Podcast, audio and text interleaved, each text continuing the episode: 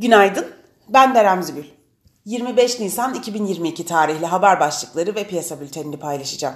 Türkiye, Suriye'ye asker sevk eden Rus uçaklarını hava sahasını kapattı. Merkez Bankası bazı ticari kredilere zorunlu karşılık uygulayacak. Fransa'da Macron ikinci kez Cumhurbaşkanı seçildi. Çin'deki Covid ölümleri ve başkent Pekin'de sıkılaşan tedbirler küresel talep endişelerini tetiklerken petrolden hisseye kadar birçok varlıkta satış görülüyor.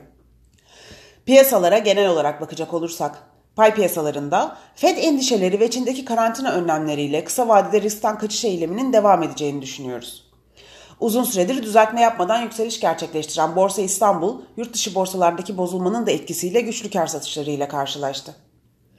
Borsa İstanbul'un cuma kapanışına göre ABD ve Almanya vadelileri düşüşle seyrediyor.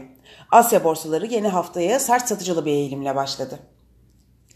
Teknik analiz verilerine bakacak olursak, endeksin gün içinde 2503 üzerinde kapanış yapması durumunda 2562 seviyelerini hedeflemeye devam etmesi beklenmektedir.